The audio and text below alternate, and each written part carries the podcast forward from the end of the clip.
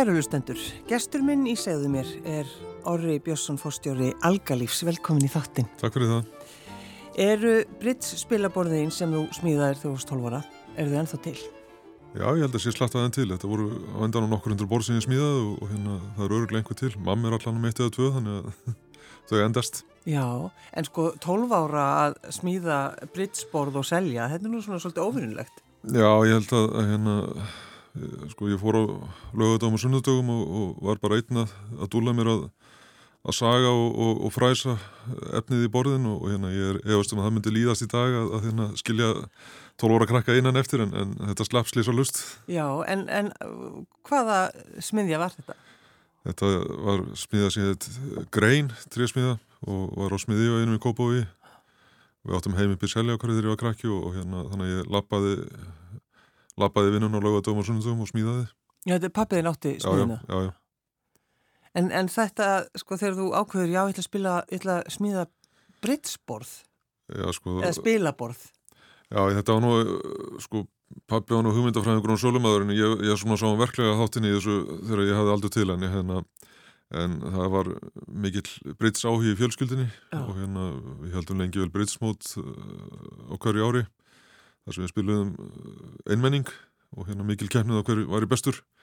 En hérna þetta konur svolítið á því að við tengdust svolítið britsinu og, og það vantaði borð og, og hérna sjálfsagt var þetta nú einhverju, einhverju svona gengis fellingunni að þá var orðið hafkamar að smíða þetta hérna heima heldur en að flytja þetta inn þannig að þetta tengis öruglega á endan á krónunni. Já, já, kemur business maðurinn upp í þér strax þarna á reyð, þú eru 12 ára. En ertu góður í að spila? Nei, ég er arfaslagur, ég hef ekki spilað neinu viti í 20 ár þannig að hérna, ég er ekki, ekki lengur færum að spila brits en, en hérna það voru alltaf verðlunagreipir á brismótu fjölskylduna þannig að ég á einhverja gamla, gamla annar og þrýða setis penninga Já, en, en sko fjölskyldan já. þannig að þetta var bara mikil alvara í þessu brits Já, já, já þetta, þetta var hérna þetta var, við kvöldum okkur njálskutu eftirna því að langam og langa við byggum njálskutu. Og þetta var til dæla stór fjölskylda þannig að hérna, það var auðvelt að samna í lið uppalega en svo er svona mín kynslu og, og, og þeir sem eru yngri ekki verið ja, grimm í britsinu þannig að hérna þetta fjarað út svona smátt og smátt. Já, en þetta er, þetta er skemmtilegt. Já, já, þetta var mjög gaman. Mjög gaman. En svo varstu sendur í sveit. Já, já, ég var í sveit á Siðrið þeirra í Vesturópi í Vestur Húnavaðsíslu í, í 11 sumur, búið 6 ára fyrst og, og, og síðastu sumar var 16 ára. Mm. og hérna það var mjög, mjög gaman að, að hérna, vera í söðbörðu og og taka móti kálfum og, og smálar hósum og, og holdanundum og svo leiðis þetta var mikill lærdomur og, og hérna og ég fer þannig ennþá ofta á ári og heimsækja ættingja. Já, en sko sex ára? Að fara sex ára já, já, það var minn vilji ekki fóröldra minna Nei, nei, en, en mannstu eftir, manstu eftir já, já, já, já, ég man alveg eftir því og hérna og þetta var sko minnum í fimm tíma ferðarlega með norðuleið, það var stoppað á, í kvalstöðinni fyrst og svo var stoppað í, í, hérna, í bóskála og, og svo var stoppað aðeins í freðavaðskála stundum og, og svo var hátíðismætur í, í staðaskóla þannig að þetta var, var 5-6 tíma ferðarlega Já, og stoppið öllum sjóppum já, já, já, það var þá. Þegar voru allstaði voru sjóppur Já, þannig að, að sko vera, vera sex ára og fara í sveit eh, það er náttúrulega ég held að við myndum bara, maður myndi ekki gera þetta í dag senda sex ára góðin börn Sjálfsagt ekki, sjálfsagt ekki sko en, en auðvitað var þetta náttúrulega hjá, hjá nánum ættingum jú, jú, og, og hérna og ég hafði ekkert nema gott að þessu þannig að hérna og það var nú þannig að ég fikk ofta að taka prófun fyrra í skólanu sko til að komast í söðbyrðu sko, ég fikk að stapla saman prófunum svona um miðjan mæ til þess að komast í söðbyrðu og hérna Ég var í Seljaskóla þar sem ég haldi, var skólastjóri og, og stýriði 13-1400 mann á skóla eh, af tæri snild Já. og hann eh, hlustaði á þetta rugglu og leiði manni að fara fyrir í próf til þess að geta komist í, í söðbyrðin. En það er eitthvað samt fallegt við þessu sögu að hann skuli taka marka þessu og, og kannski hugsa hann líka, þú veist, fíl greinsla sem drengur fær. Já, þetta var, hann var mjög, hann var frábær maður og hérna tónu bara nýlega og hérna, hérna hann helt utan um þennan stóra hóp og, og, og þekkti held ég bara alla með nafni, hann var ótrúlega með það og, og hérna og náði að halda þessu svona tildurlega vilt að krakka stóði nokkur einn á, á réttir bröð Já. En að því að þú ferð sex ára og, og þangur til þú verður 16 á það ekki? Jú. Þegar þú hugsa tilbaka og sér það sem að þú fegst svo sko alltaf fleiri verk, verkefni Veist, allt svona breyttist einhvern veginn. Já, þetta var, var þannig að hérna, fyrst var maður svona aðalega að gera ógagn en svo fór maður smátt og smátt að gera gagn og, Já, hérna, gera ógagn. og hérna við vorum þannig að tveir frændur á sögum aldri og, og hérna allan tíman og hann á jörðina í dag en hérna þetta var þannig að við, við svona vorum fyrst látnir uh, sækja kýrnar og, og, og svo að týna bakka og, og raða bakkum og hérna það var mikil, mikil list að raða bakkunum rétt í hlöðuna og hérna mikil metnar að, að tróðfyllana svo var það náttúrulega söðburður og það var gott að vera með litlar hendur til að ná lömbunum út og hérna og svo svona 10-11 ára þá voru fannar að, að, að rifja og, og raka á traktorum og, og 13-14 ára þá, þá voru öll svona traktorsvinna komin okkar, okkar hérna könnu. Já Mynd, Myndur þú segja að þú hefur lært að vinna í sveitinni? Já, já, við lærum að vinna og, og hérna og, og það var svolítið þannig að það var alltaf verið að vinna það var, við hlóðum torveggi til þess að, að hérna að, að hafa gerðingana beinar sem var gríðarlega mikil vinna en var hægt að gera kannski með traktorskur á einu degi, bara að ríða upp haug en, hérna, en kallin Jóhannes Svendi minn, hann hafði mjög gaman að, að, að hérna halda í gömul vinnubröð þannig að við læriðum að hlaða vekki og, og það var alls konar svona fyrirhafna mikil vinna sem við unnum en, en, en, en svona eftir á þá var mjög lærtómsvikt að, að taka þátt í þessu. Já. Þannig já, ég minna, læra gamla siði, það er, já, já. Bara, það er náttúrulega bara einstakt. En svona hvaða leið ferðu svo orri eftir, svo, eftir skólanin? Svo var, var 15 ára að vera 16 þá flutti fjölskyldan í Hafnafjörð og hérna þar hef ég verið síðan og vel hvergi annars að vera nema þegar ég flytt til útlanda en hérna og ég kláraði seljaskóla síðasta hálfa ári var, var hérna. Ég seljaskóla bara úr Hafnafjörði en, en hérna Svo fór ég í Flensborg, já, ég, ég tók eitt, eitt haust og fór norður að móka skít og, og, og smala, smala kindum. Og byrjaði því í Flensborg um, um áramót. Og það tók mig fjögur og hálft ára að klára Flensborg, ég var svona, var í spurningaliðinu alltaf og, og hérna var ekkert að flýta mér í skólanum, þannig að hérna, þetta tók aðeins lengri tíma heldur en tilstóð. En, hérna, Hafði nóg annað að gera? Já, nóg annað að gera. Og svo fór ég svona, var að vinna í, í, í trespiðin alltaf hjá pappa með skóla. Fór í lagfræði í eitt vetur, það var svona leðalegasti vetur lífsmins. Ég var ekki mjög efnilegu lagfræðingur held ég. Og svo svona einhvern veginn endaði ég bara í því að vera að vinna og, og brasa. Og byrjaði síðan að, að hérna, vinna í litlu lífafyrirtæki Hamnafjörði sem ég Delta árið 1998 og var í lífjafyrirtæki meira að minna til 2011. Þannig að var það einhvers konar tilvílun að það fóst bankaður upp á þar? Í, Já, í það, var, það var alveg það, að ég hérna, nefndi ekki að vinna lengur Reykjavík, þannig að ég sótti bara vinnu í, í, í Delta sem var þá auglýsa eftir störfum á 1998 þegar, þegar ég byrjaði það, þá, þá voru það svona, held ég 60 starfsmenn eitthvað svo leiðis. Já. En svolítið skemmtilegt, þú talar eins og þessi rosalega langt á milli Akkurir og Reykjavík, nei hérna Hafnafjörður og Reykjavík. Já, já, það, það var það í mínum huga. Já, þannig reynir að, að vera þar sem, sem lengst. Já. En uh, svo ferðu í rauninni, sko, þú fer svolítið að ferðast, er það ekki? Jú, jú, ég hérna fór með böðst vinna hjá Farmakó í rauninni sem var, var hérna heildverslunum sem að keipti síðan ríkisreikið uh, lifafyrirtæki Búlgaríu sem heit Balkanfarma og ég fór þangað flugum út annan janúars 2002 þar var ég fjögur ár og þar voru við að reyna að byggja upp nýja versmiðu, endur nýja gamla versmiður þetta hafði verið greiðalega stórt fyrirtæki með cirka 6-7.000 starfsmönnum og ráku þrjú hótel og kjúklingabú og gróðrús og svínabú og alls konar. Og það var svona verið að einfalda þetta og gera þetta aðeins, aðeins svona nútímarulegra við byggðum nýja vesmiðu sem var fyrsta vesmiðan í, í Búlgaríu sem fekk samþyggi til að flytja út til Európa-sambandsins, þetta var náttúrulega áður en að Búlgaríu gekk í Európa-sambandið mm. og þetta gekk mjög vel í rauninu að veru að, að, að byggja fyrirtækið og, og það gengur vel í dag, er í eigu Teva sem er fyrirtæki frá Ísrael Hvernig var Búlgaríu á þessum tíma, þetta er hvað, 2002? 2002 var Búlgaríu rauninu á, á svona nánast byrjunarreit eftir hrun Jórtjálsins það gerðist þú að lítið fram til 98 þá, þá hérna rauninu gamlega komanir heldur bara áfram að stjórnallu og það var til svona mafja í kringum Júkvaslavi í stríðin sem flutti og smiklaði óli og fleiri svona nöðsynum yfir til, til Júkvaslavi og Serbíu.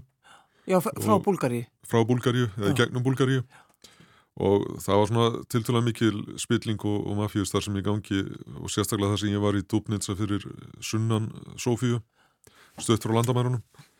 Og hérna Já, þá að Serb, Serbíu þá eða? Já, landamæruna Serbíu og, og Jugosláfi, Makedóníu.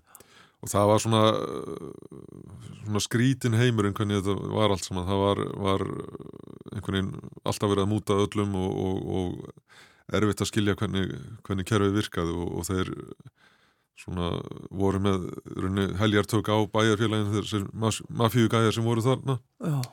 en uh, þeir letu okkur svona eil algjörli í friði að því að Balkafarma var það stort fyrirtæki að þeir, þeir vildi ekki verið neinum áreiksturum við okkur. Já þannig að þeir voru ekkit að, að tröfla ykkur. Nei þeir tókum einu svona fund þar sem að hérna, ég hafði rekið einhvers sem var pappi kærustu einhvers og, og hérna ég var beðan um að endur skoða það og, og hérna og við gerum það bara, það var svona til þess að við erum að gera eitthvað til að minka, minka líkur á áreiksturum Já þú, meinar Já, já Og hvernig leiði þið þegar þú varst kallaður hann að fund?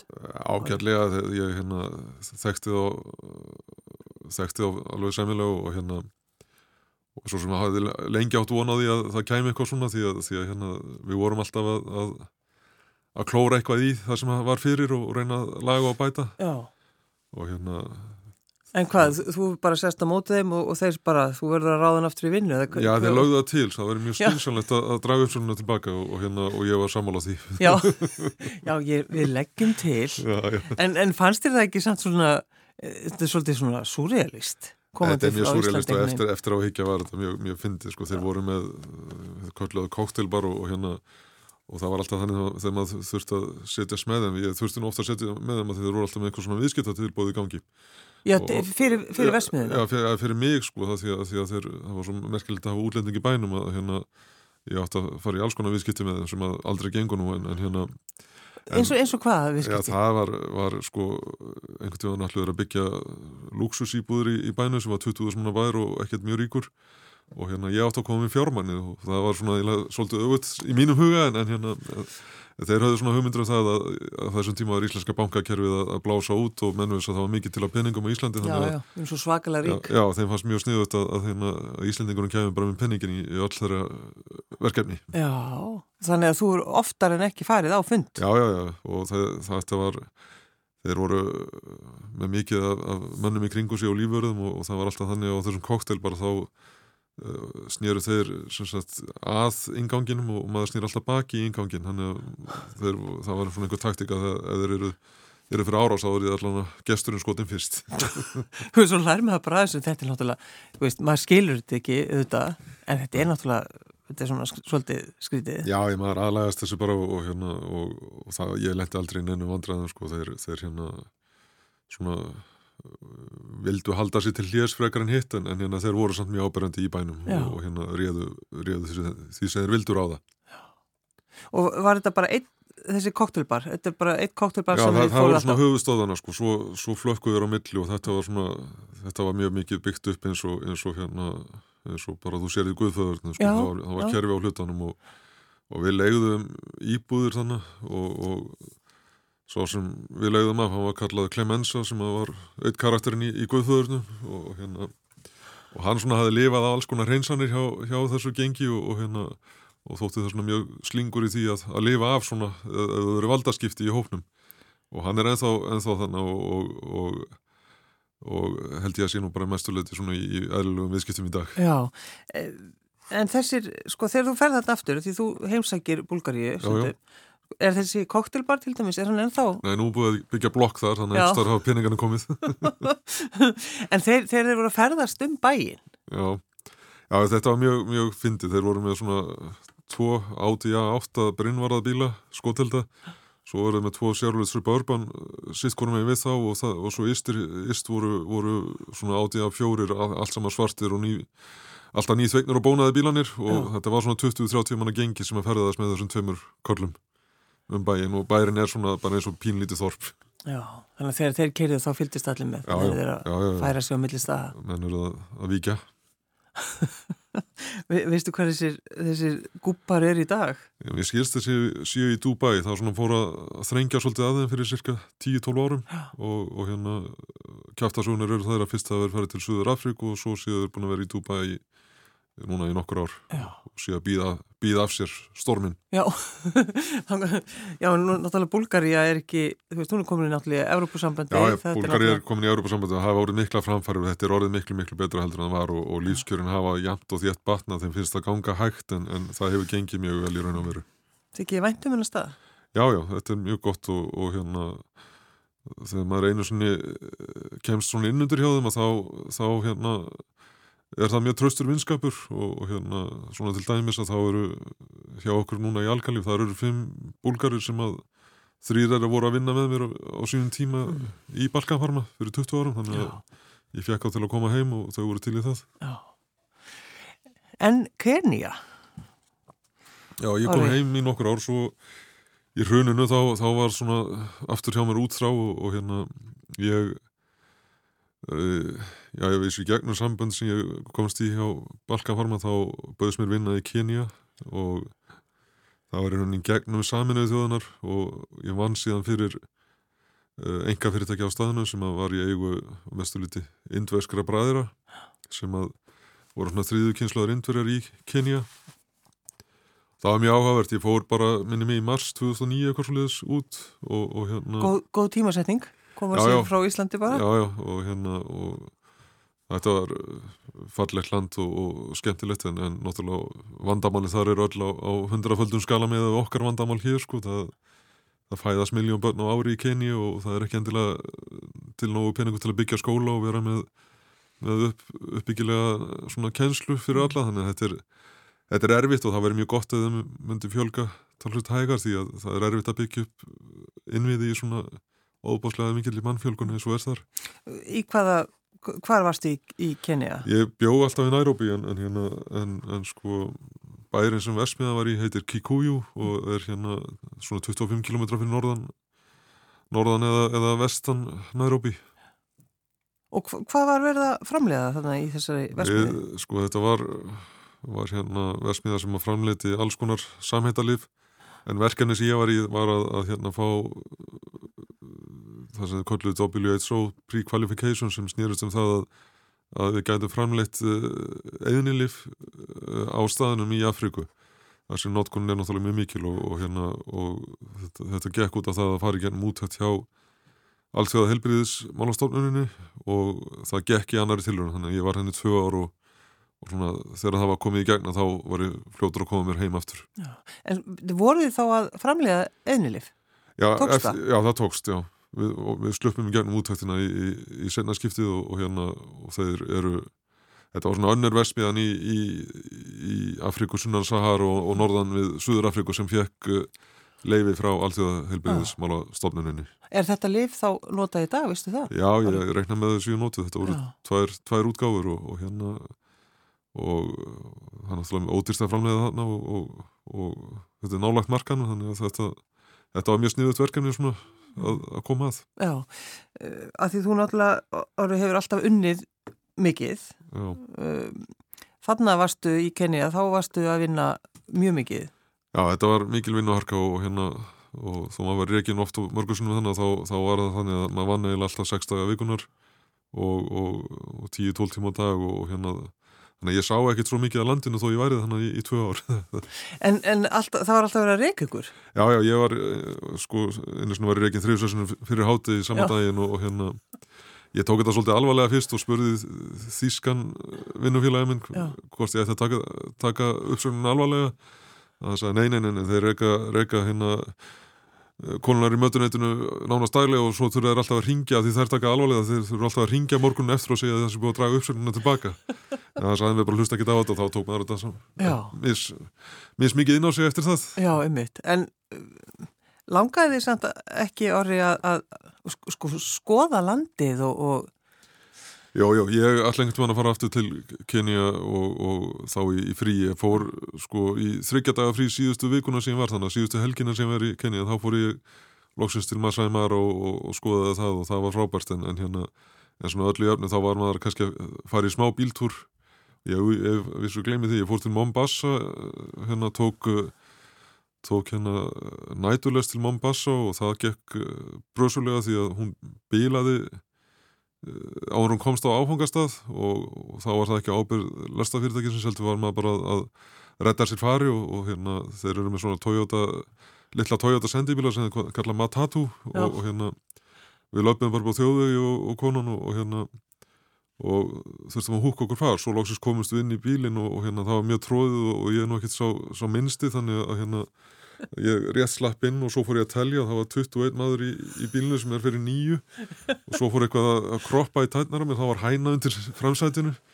Og hérna, en hins vegar áður um við gáum lestinu, þá var okkur sagt að við fengjum, end, fengjum endurgreitt hérna á lestastöðinu farið að því að þetta hefði misjannast svona. Og hérna, þannig að ég fór daginn eftir á lestastöðinu, þetta var þryggja dagar frí í, í, í Mombasa og ég var í sjö tíma.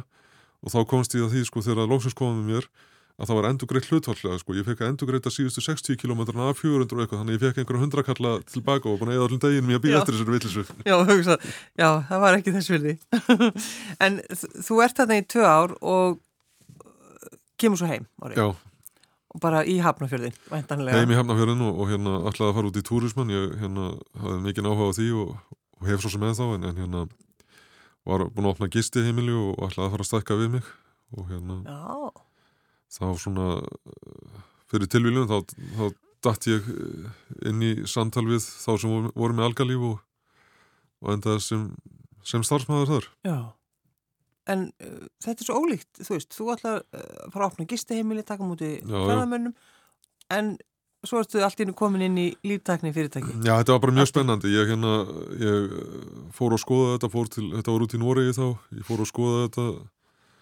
minnum í ágúst 2012 eitthvað sluðis eða júli og hérna og þetta var mjög spennandi, ég var rónið þreytur á, á, á, á Leifja fyrirtækjanum og, og hérna þarna var eitthvað sem var svona miklu meira spennandi og opið og, og maður kannski gæti séð fyrir sér að vera hægt að gera meira og, og gera meira gagn í raun og veru þarna, þannig að Í þessum fyrirtæki sem þú hefur unnið í gegnum árin, orri, þá ertu bara starfsmæra á planningunni eða hvað? Já, ég var, var hérna í alls konar störfum. Ég var svona kannski í grunninn oftast að, að byggja versmiður.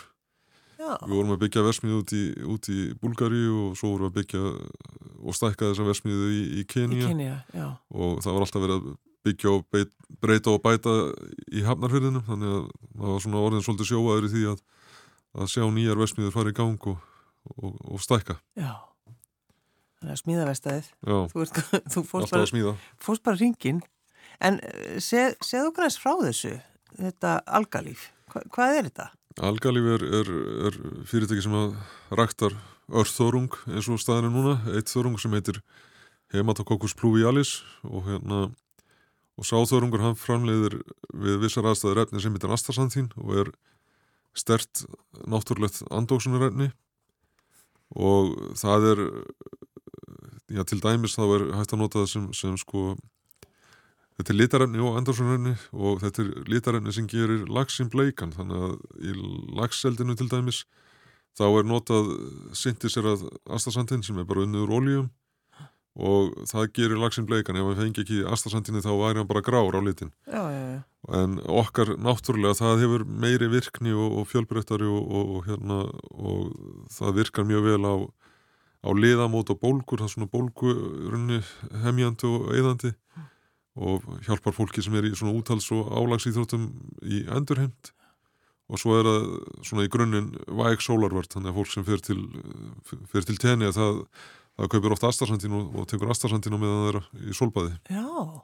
Þannig að þetta ver húðin aðeins. Þannig að þetta er örþörungur. Já, það er bara einfrumungar, þeir eru svona 1,20 mm í þörmál þeir eru stærstir. Þannig að við erum aðeins í marga þúrunga sjálfsagt í, í kerfunum okkar.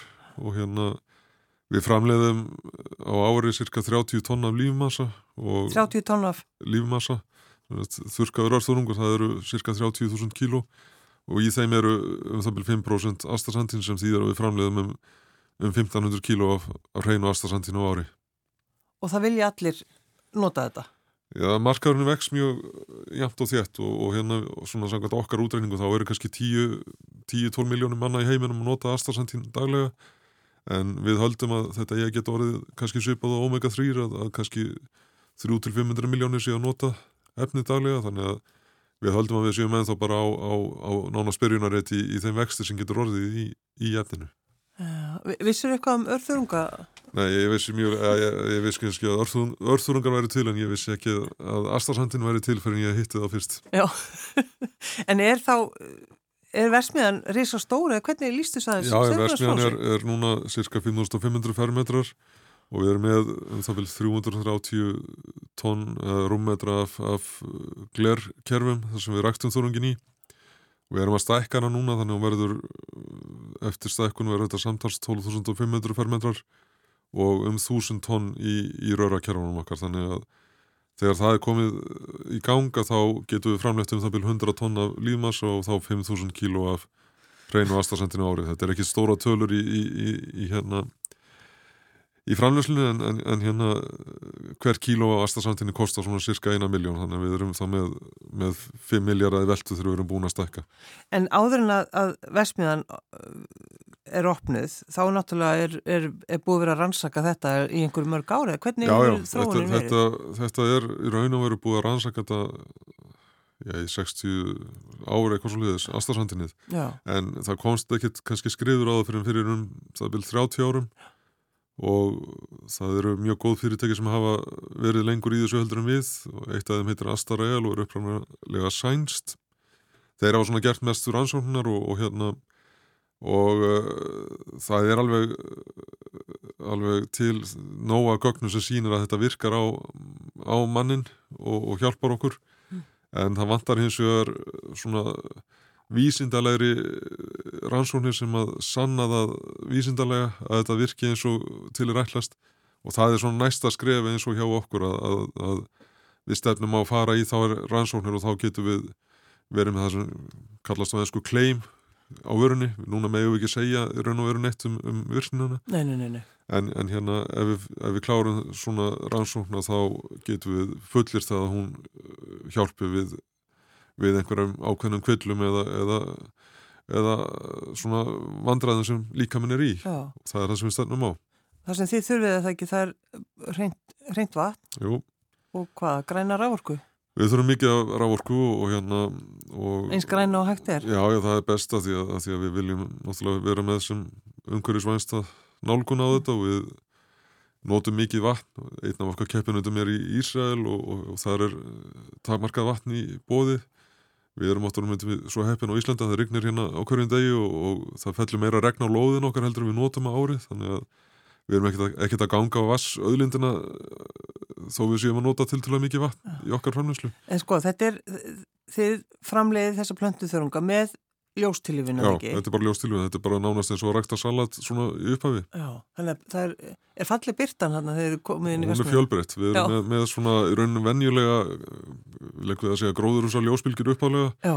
Svo færist það í lokin meir út í svona blátt ljós og þá eru við rauninu að herma eftir því að, að, að, að pollurinn er á þóna sem þörungurinn er í og þá fer hann að verja svo astasantinni er svona helsta sólarvörtin hjá hann og vera gegn fjandsamlegum geyslum frá sólinu. Já. Þannig að við hermum við rauninu bara eftir því að, að þörungurinn, hann er í, er í sínum pollu og líður vel og svo svona fyrir aðeins að þrengja aðstöðum og svo verður þetta alltaf verra verra og hann vesi með því að búa til aðstæðsantinnið og, og, og hérna hann getur lifað í mörg ár þar þurr í, í, í, í, í bara einhverju reiki og, og, og svo fyrir að regna aftur og þá, þá litnar hann bara við. En kemur þá yfir hann, setur hann yfir sig einhverja svona... Já, býr til að hálfgerða svona skil og þetta lítið þetta er ekki nema 1-20 mm en já, það er svona skil sem að En það er skemmtilegt ef við stækkum þetta bara í hugunum og sjáum þetta þenni Já, býr til skil og hliður þessu upp á aðstarhandinni og þannig getur hann lifað árum saman þó að það sé ekkit vatn álættunum ah og, hérna, og þessi skil er það hörða að sko líka með okkar, hann meldir hann ekki þannig að við þurfum alltaf að draga aðstafsandinu út úr frumunni þannig að við þurfum að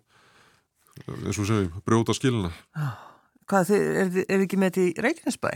Jú, þetta er upp á Ásbrú, gamla varnasvæðinu og hérna og tókum yfir gamla skemmur þar og, og hérna, svo erum við að byggja við núna og það, það er svona sér hann að húsnaði fyrir okkar starf sem að vera mjög gaman að, að komast í það En þið, þið hafið svolítið er það ekki orðið, þið eru svona að hugsa um umhverfismálinn í, í tengslum Já, já, við leggjum miklu áherslu það, alveg gríðarlega og, og hérna við erum í góðu samstarfi við HS Orku um, um orkukaup og, og hérna þeir eru núna held ég alveg öruglega að fara að setja í gang vinslu á, á koldfísýring úr, úr, úr sínu af, uh, affalli eða hvað það segja útblæstri Já.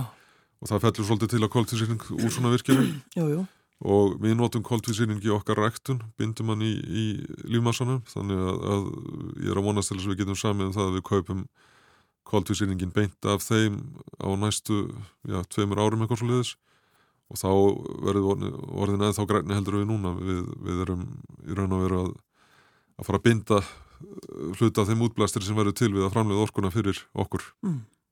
Þannig að þetta er það sem þið leggir miklu áslá og þetta, finnst þér þetta mikilvægt? Já, Orri. þetta er mjög mikilvægt ekki bara, ekki bara fyrir auðlýsingar og, og markasendingu, þetta er að, bara mikilvægt að, að við skiljum eftir sem minnst spór og, og hérna og fyrir sem að rask ekki ómikið jafnvægi náttúrunnar. Já, svo taliðum hérna sorp lágmörkunar stefnu. Já, já, við hérna það er reglulega að senda út ámenningar um að, um að flokka betur en hérna við erum að reyna þetta og, og hérna auðvitað allt gróa sorpið, bilgjupappi og svo liðis fyrir allt saman uh, beina leið á réttan stað en, en hérna ja, það er svona skrifstofu ruslið og, og, og mötunundi sem er aðeins meira á vandamálinn en þetta tekst með tímanum.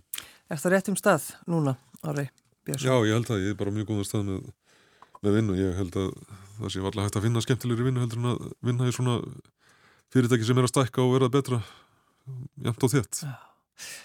Óri Björnsson, fórstjóri Algalífs, takk fyrir að koma. Takk svo leiðis, takk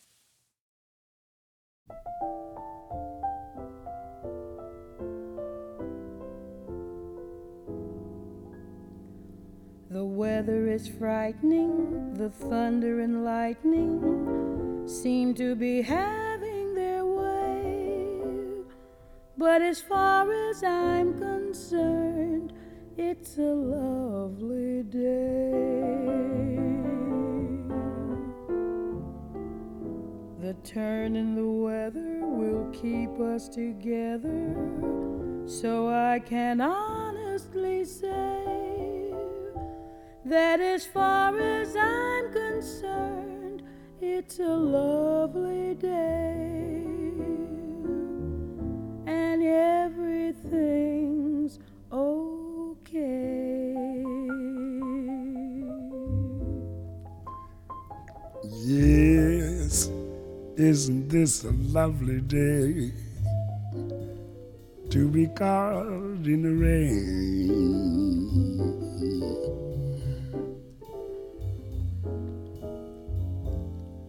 You were going on your way. Now you've got to remain.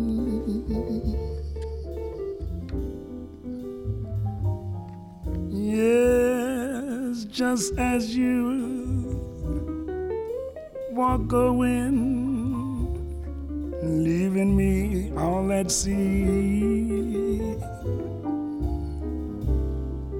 The clouds broke they broke, and oh, what a break for me, babe. Now I can see the sun up high. They were causing us down.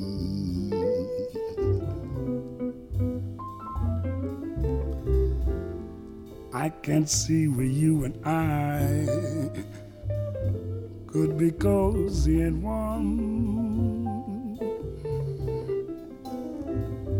Let the rain be to better, but it really doesn't matter if the skies are gray. Baby, long as I can be with you, it's a lovely day.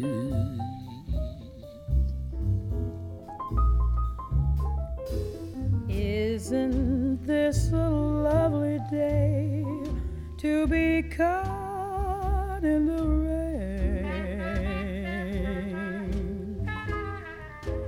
You were going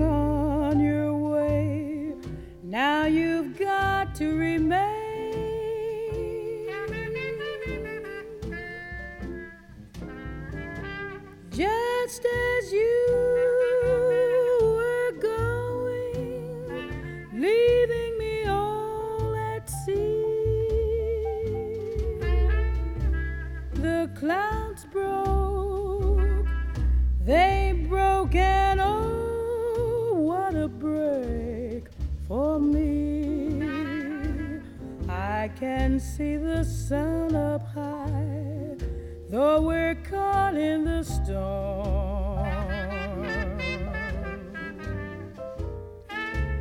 I can see where you and I could be cozy and warm. Let the rain pitter patter, but it really doesn't matter if the skies are grave. Long as I can be with you, it's a lovely day.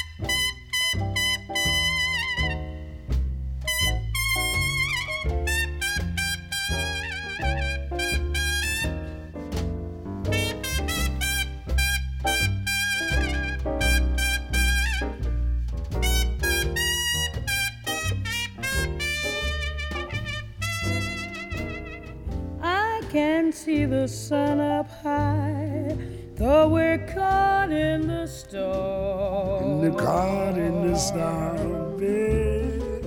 I can see where you and I could be cozy and warm. Cozy and warm. Let the rain pitter patter, but it really doesn't matter if the skies are gray. Long as I can be with you, it's a lovely day.